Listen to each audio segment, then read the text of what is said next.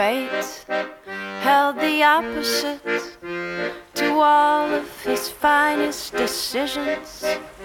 One storm and the rush of it cracked the ship and he felt himself sinking. Du lyssnar på Vrakmuseets podd och jag heter Tuva-Lisa Rangström. Idag ska jag ta er med många hundra år tillbaka i tiden, till 1000-1100-talet. Till övergången mellan vikingatid och medeltid och den del av Östersjön som ligger utanför Blekinge, som då tillhörde Danmark.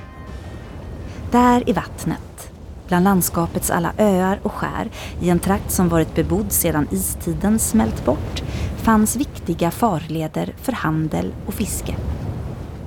Där fanns också piratflottor som gjorde kusterna osäkra.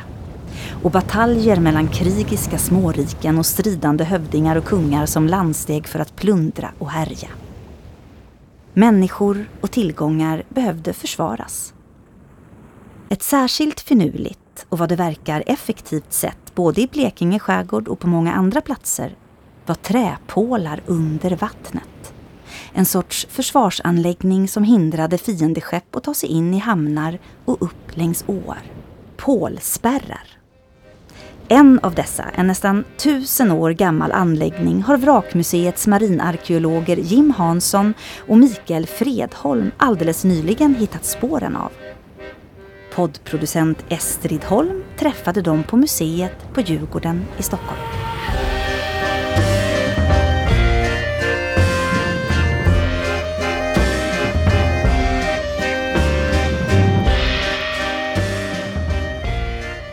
Så, idag ska vi alltså prata om försvarskonceptet pålspärrar. Och ni har ju dykt på en anläggning i Blekinge, i Lyckebyfjärden i Karlskrona. Ta med mig ner under vattnet. Hur, hur såg det ut där? Eh, ja, när vi kommer ner under ytan så är det, det är ju bara 2,5 meter djupt. Men när man kommer ner där så var eh, pålan sticker upp mellan en, allt från 10 cm till en halv meter drygt. Och det var som en skog av pålar, det var hundratals som är en lång sträcka då, som var mellan 5 och 7 meter bred. Så det är som en korridor med pålar. Så det var en jäkligt spännande anläggning då med det är svårtolkat också men när man fick ett helhetsgrepp där så var det riktigt häftigt att se. Alltså. Och vi insåg ganska snabbt att det här är nog ganska gamla grejer och då gör det ju ännu mera lite pirr i magen sådär. Så det var, det var riktigt coolt. Och sen, det här är ju jättesällan vi hittar de här. Så mm. att det är liksom en jävligt spännande, lite anonym lämning egentligen som man känner till men vi vet väldigt lite om dem. Så det var liksom en fantastisk upplevelse att faktiskt få komma ner på en sådär, sådär otroligt välbevarad också. Hur tätt står de? Liksom? Ja, vad är det? Men kanske 2-3 decimeter som tätast? Eller har Ja, det är någonting sånt är det ju. Kanske upp till en meter. Men sen, det, det finns ju flera pålspärrar i den viken. Mm. Eh, och med lite olika siktförutsättningar, lite olika sedimentationsförutsättningar. Men på de, på de ställen där det är bäst sikt och minst sediment så sticker de upp så mycket som Jim säger. Mm. Sen på vissa ställen där ån har fört med sig sediment och grejer, där är sikten dålig. Och en del pålar kan man känna under botten. Ja det var ju så när vi trodde ju att ja. det kanske var en öppning, en pålspärr där. Då fortsatte vi söka längs pålspärrens eh, sträckning så att säga. Då. Men då kände man sig fram mm. långt ner i dyn. Eh, då är pålarna där. Så de finns liksom. Precis som Micke säger så det är lite knepig miljö faktiskt att spåra de här gamla grejerna. Den, den som syns bäst för dykare den ligger ju liksom i lä bakom en ö, liksom nedströms ån kan man säga, eller hur? Mm, så, ja. så, tänkte jag. Ja. Där, var liksom, där var det lätt att se allting. Sen där ån flyter fram i viken, mm. där allting är det liksom slam över mer eller mindre. Det är svårare att fånga upp de här också och hitta sådana här. Det är det som är problemet med tekniska instrument och allting. Så, ja. så det är jättesvårt att hitta dem. Och är det de, här, de är ju ofta i de här miljöerna lite grundare vikar. Så där inte är så jättebra sikt. Så det, det är svårt att hitta dem helt enkelt. Mm. Men, och det var ingen slump för att ni, ni letade efter pålspärrar? Nej, den ena pålspärren var ju, in, det var ju en slump. Det var ju ett vrak vi skulle leta efter som man hade någon anläggningsdykare hade hittat i början på 70-talet. Så det fanns en uppgift då som vi skulle verifiera utifrån Länsstyrelsens uppdrag de gav till oss. Då, att vi skulle titta på ett, eh, sex olika lämningar var det väl va? Och det här var en lämning då som skulle vara vrakdelar, eller skeppsdelar som de hade beskrivit det som. Så vi letade på först ett ställe där hittade vi det inte och så hade de en ganska enkel skiss. Så började vi liksom försöka förstå vad den eh, menade och så försökte vi slänga ner en boj där vi trodde att det där de angav platsen för de här vrakdelarna. När vi hoppade ner där så sökte vi runt, runt med eh, en lina då, så man cirklar runt själva bojen. Och till slut så simmar vi rätt in i de här eh, pålarna och det är kanske det de har sett faktiskt, alltså de trodde var Mm. skeppsdelar. Men det var i själva verket en pålspärr. Och det var lite förvånande såklart. Hur känns det? Bara? Eh, Jag blev jätteglad. Alltså, Ja, Vi visste ju om att det fanns en Pålsberg i viken som vår gamla chef hade dykt och daterat 1995.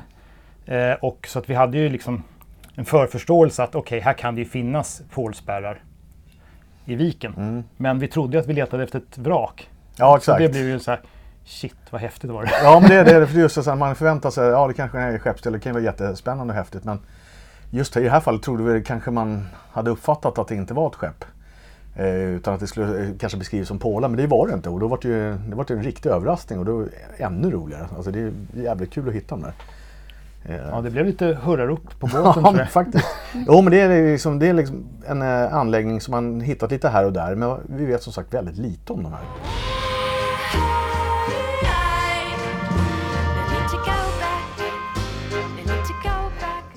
Bara tanken liksom att det är för då tusen år sedan är det några som har satt dit dem och nu har ni hittat dem. Det var väl det känslan också tycker jag. Att man kände direkt att när det är en pålspärr att man förstod att det här är riktigt gammal. Alltså. Och det är jättehäftigt när man ser, man ser till och med barken när man fick bort lite i dyn, man fick, följde dem ner i dyn. De är så otroligt välbevarade fortfarande så det var ju fantastiskt spännande och kul. Och liksom, hur tror ni att det såg ut när det var nytt?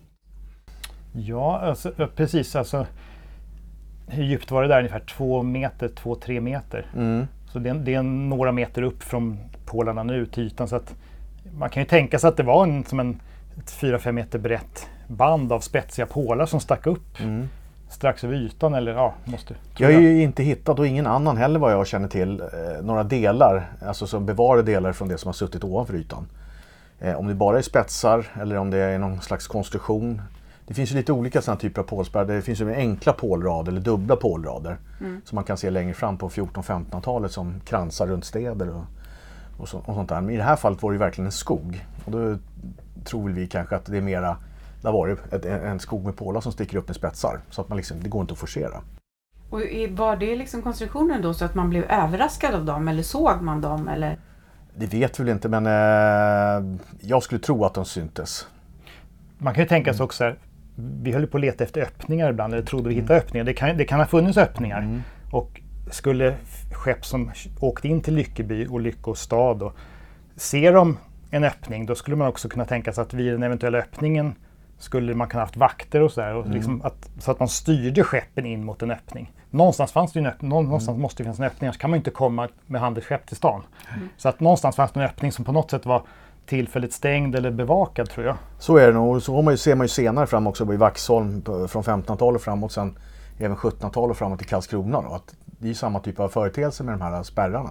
Fast man använder skepp eh, i senare år. Men det är också det, precis som Micke säger att i Vaxholm då byggde man ett kastell där vi, där vi har Vaxholmskastellet idag. Sen täppte man ju till alla sund runt omkring så det var bara där du kunde passera. Och då var du tvungen att möta tungt artilleri. Men i det här fallet fanns det ju inga artilleri men då har man ju andra bevaknings eller försvarsmekanismer så att säga. Sen har du ju, kan ju också med de här pålspärrarna kan man också fundera på det kan också handla om att man avgränsar ett område, att det är en tullverksamhet också. Fast man ser i alla fall runt städerna. Ja, det kan vara både en funktion, precis att kontrollera vilken handel som kommer till den här staden, men också försvara. Så det tror jag är dubbla syften. Exakt, Ja, det det, tror absolut. jag också. Så att man ska inte stirra sig blind på att det bara är ett försvar utan det kan nog Inte, ha flera syften. nej, precis. Inte bara mot pirater alla gånger. Nej.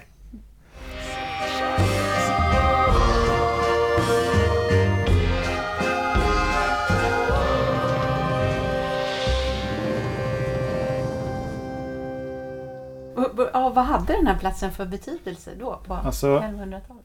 Vi vet inte riktigt för att uppe vid Lyckå, det är Lyckån som rinner ut i Lyckebyviken heter det. Där ska det ha funnits en kyrka från cirka 1100. Eh, Man har grävt ut på land arkeologiskt medeltida lämningar av en, ja, en stad eller samhälle på något sätt, en liten handelsplats. Men det finns inga arkeologiska dateringar på land i den staden som är 1100-tal. Det är, no- det är något yngre sådär. Ja. Eh, Och framförallt inte vikingatid, som många gärna vill få de här pålspärrarna Nej, det är precis Vi har en datering från, från tidigt 1100-tal här och då möjligtvis fanns en kyrka. Det är möjligt att det var någon sorts centralplats där innan man har skriftliga källor och man har kanske inte grävt ut varje kvadratmeter heller. Men någonting fanns säkerligen ungefär vid den där medeltida staden redan i 1100-talet. Ja. Men vad vet vi inte Vi riktigt. vet väl att eh, danska kungen besätter det här området runt 1070. Och i samma veva så blir det här också ett eh, kristnandet. Det, tåget av det kristnande, eh, vad ska man säga, eh, det sveper över hela landet. Men det börjar ju söderöver. Så det är väldigt tidigt här nere och det är under den här perioden. Och sen finns det också någon som har forskat kring eh, ortsnamn i, runt Lyckeby och Lyck, Lyckå där. Att det har lite med järn att göra. Att det skulle kunna tänkas ha att göra att man även skeppade ut Blekingjärn som finns omnämnt från 1100-talet och framåt. Så det finns flera olika saker där som eh, kan, det är så mycket som händer där som skiljer sig från vikingatiden.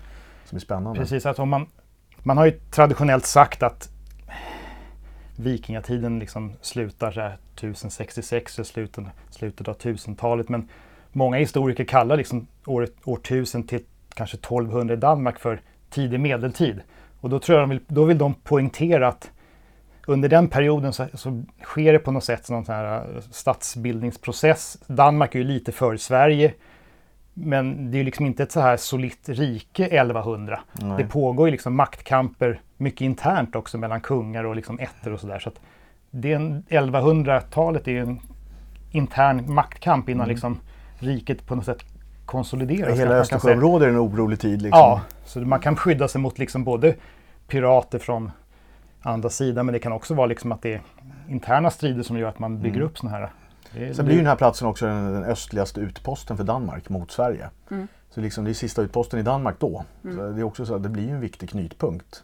Så om man har landsvägen, den öst-västliga landsvägen uppe på land, går längs med, längs med den här ån. Då. Så att det är verkligen en jättespännande plats. Så, men också som Micke sa, det finns inte så mycket belägg egentligen för vad det här handlar om. Det är därför de här lämningarna blir otroligt viktiga när vi kan backa dateringen lite och försöka förstå. För det här är ju ingen eh, någon liten någon bonde eller någonting som har anlagt de här tre spärrarna som är kända där nu. Så Nej. det är ju tusentals pålar. Det är klart att det här, de har ju eh, anlagts i ett större perspektiv, i en större kontext.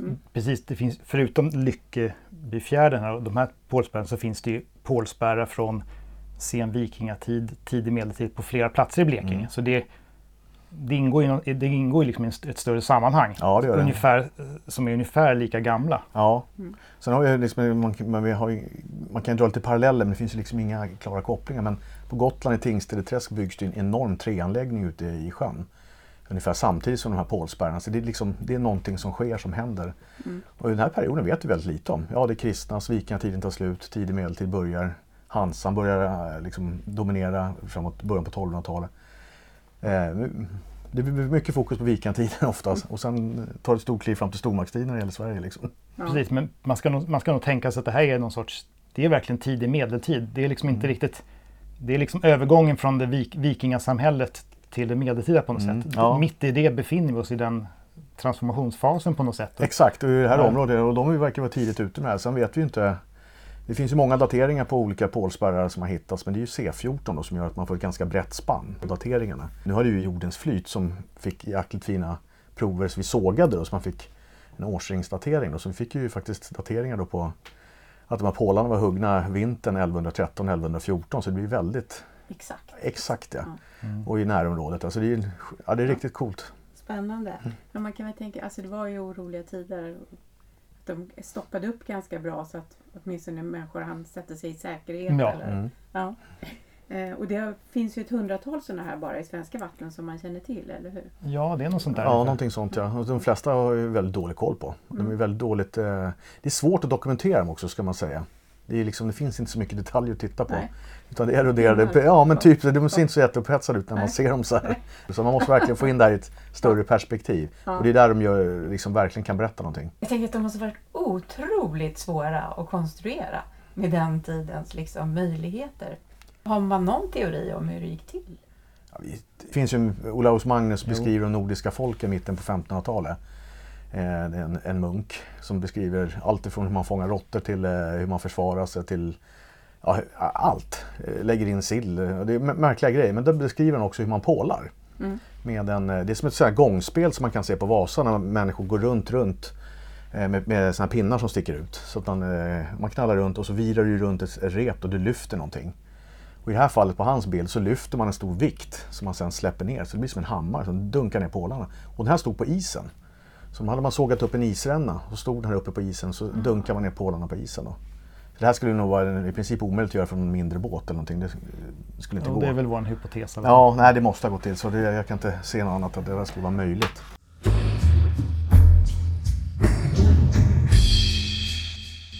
Med tanke på hur komplicerat det var, fast väldigt smart då med isen där, eh, och att de var så pass vanliga, så Alltså, sig den här kunskapen. Det fanns ju inte bara i Sverige. Nej men precis, men mycket kunskap kom exakt under den här tiden också. Ifrån munkarna och kristendomen, hur man eh, lärde sig bränna kalk, hur du lärde dig bränna tegel. Den tekniken hade vi inte här innan. Så det är mycket sådana saker som kommer. Medicinalväxter och sånt där som kommer via det här. Så det, det är väldigt mycket kunskap som kommer in till våra breddgrader under den här perioden. Och exakt när de här pålarna kommer, det, det tror jag är långt tidigare. Så jag tror inte man ska liksom Alltså det här var ju ingen match tror jag att göra egentligen. Vi har ju hittat pålar och grejer på vid Birka, hundratals pålar.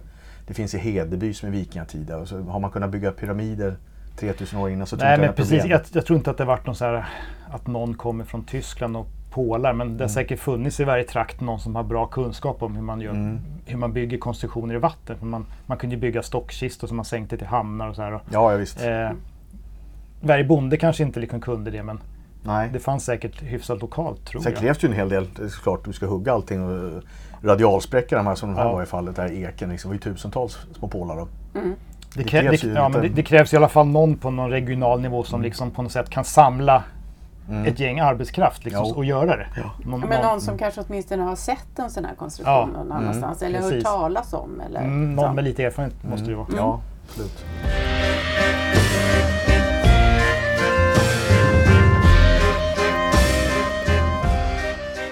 Kanske svårt att svara på men skulle man kunna säga att det var någon sorts standardförsvar? Liksom? Det finns, som sagt, det finns ju på hundra platser. Lite Ja. utspritt här och var. Så att, Men man kan ju säga så här, företeelsen har, har vi, hittar vi ju här då liksom. 1100, kanske lite sen vikingatid, tidig medeltid. Men menar, det är kontinuiteten av det här och ja, stoppa anfall eller för, försvara sund.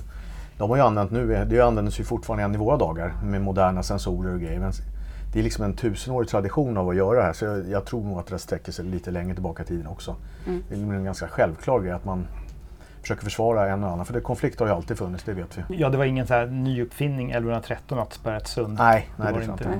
Nej. Däremot vet vi inte liksom när, vi själva för, när det liksom börjar bli vanligt. Nej. Eller eh, hur, länge de, eh, hur länge de har verkat eller funkat. Hur länge, hur de, har- hur länge de här pålspärrarna varit i bruk. Var effektiva liksom? Nej, det, precis. Nej, för vi har ju, vi, här har vi enstaka dateringar på enstaka pålspärrar. Mm. Det kan ju vara så att, att den är liksom en skog nu. Det behöver inte betyda att alla är nedslagna 1113. Det kan vara att man, har, man kanske har ha- haft den i bruk i 100 år och liksom byggt på Mm. vartefter. Det is, isarna tar ju sönder pålar och, och trär Ja. ruttnar och så. Så det kan ju ha Absolut. varit en lång period med, med, med samma pålsträckning.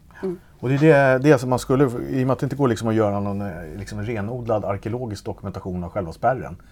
Visst, man kan göra lite provgrop och gräva så man hittar fyndmaterial och sånt där som möjligtvis kan spåra en bredare datering. eller någonting. Men annars måste man nästan ta massor med prover i samma pålspärrar på olika ställen för att liksom försöka fånga upp byggnadsskede, olika reparationer, olika generationer eller vad det nu kan vara.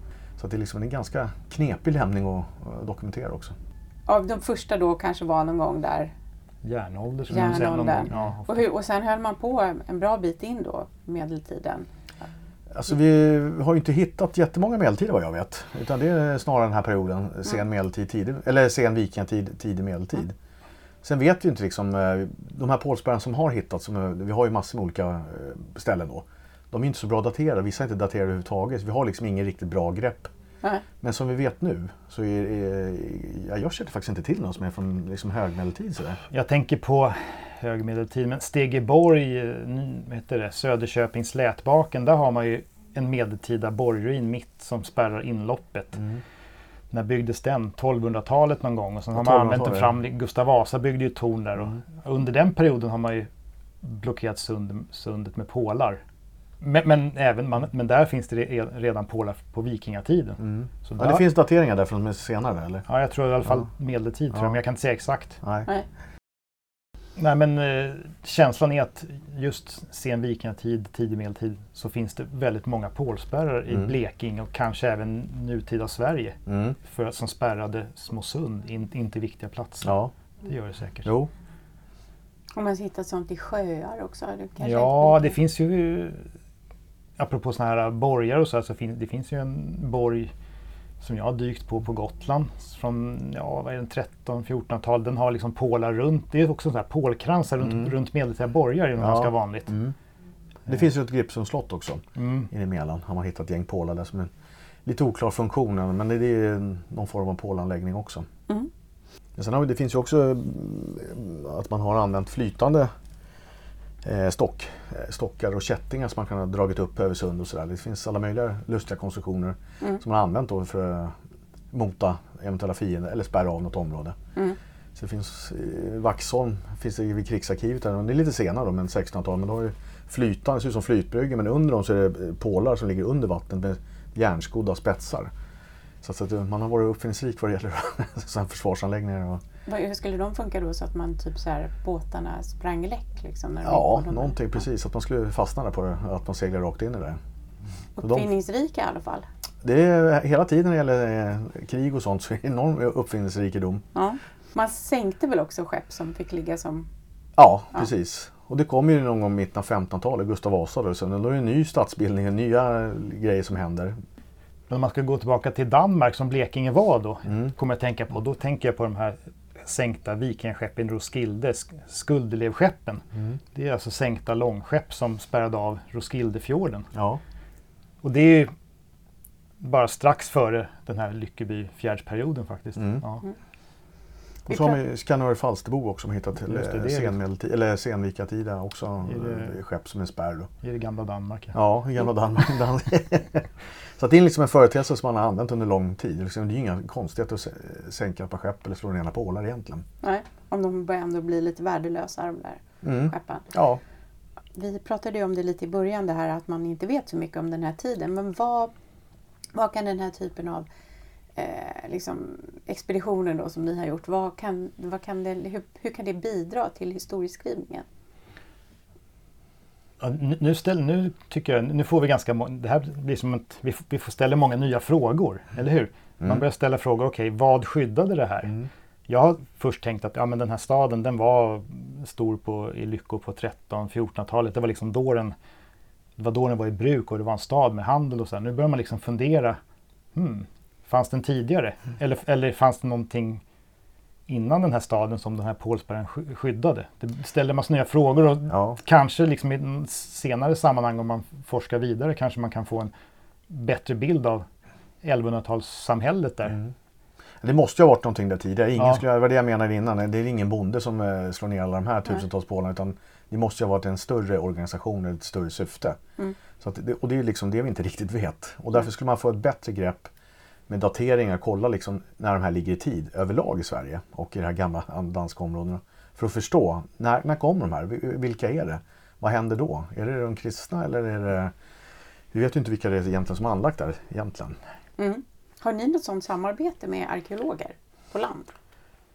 Ja, alltså vi har ju kollegor och vi är en del av, många av oss har vi jobbat på land också men eh, vi har, eh, vi försöker ju liksom inte bara hålla oss under ytan. Vi, skulle vi bara göra det så skulle vi inte förstå den här pålspärren överhuvudtaget.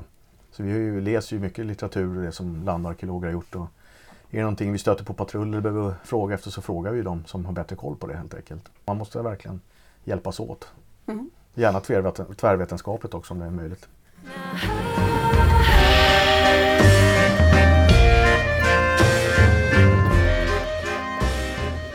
Har ni fler sådana pålspärrsexpeditioner på gång? Ja, vi har väl någon i vår här i, på Södertörn. Ja, det har faktiskt hittats en, en ny pålsberg i Stockholms skärgård som ligger i ett väldigt spännande läge som vi ska försöka ge oss ut och titta på. Och det blir ju oerhört intressant att se den dateringen. Om liksom, är den i- sammanfaller den med samma period eller en tidigare eller en yngre? Eller, så, det- men det vet vi, vi vet ingenting. Men att det har hittats ett gäng pålar. Och hur den är konstruerad vet vi inte heller än. Men den ligger väl också liksom i, vid inloppet till en vik och liksom med, Ja. med historiska lämningar längst in i viken kan man säga. Också borglämning. Här Ja. har vi lite vikingatida grav, eh, heter det, gravfält och det finns en- även en runsten, 1600-talsslott och så vidare. Så att det är liksom en skitspännande plats.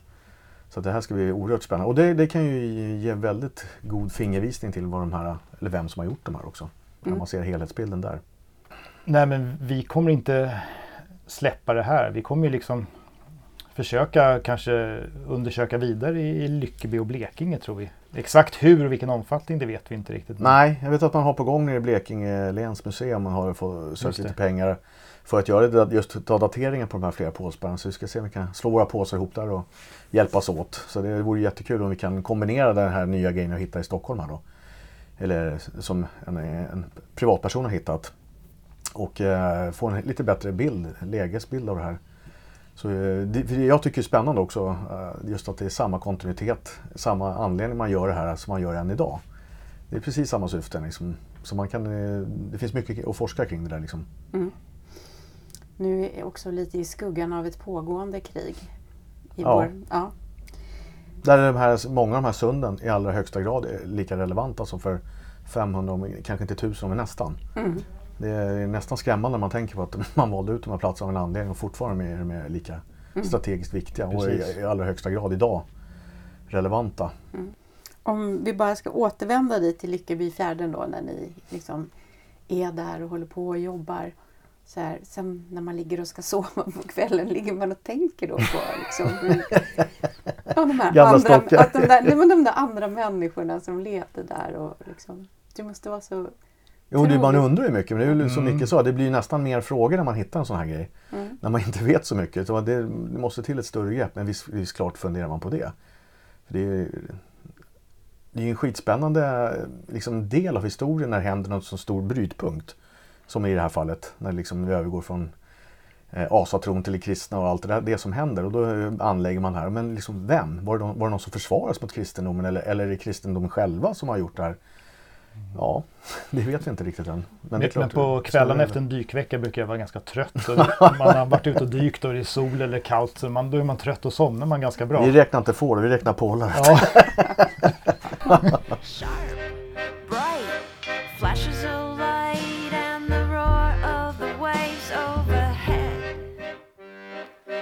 Det var Vrakpoddens producent Estrid Holm som träffat Jim Hansson och Mikael Fredholm dykande marinarkeologer från Vrakmuseet på Djurgården i Stockholm.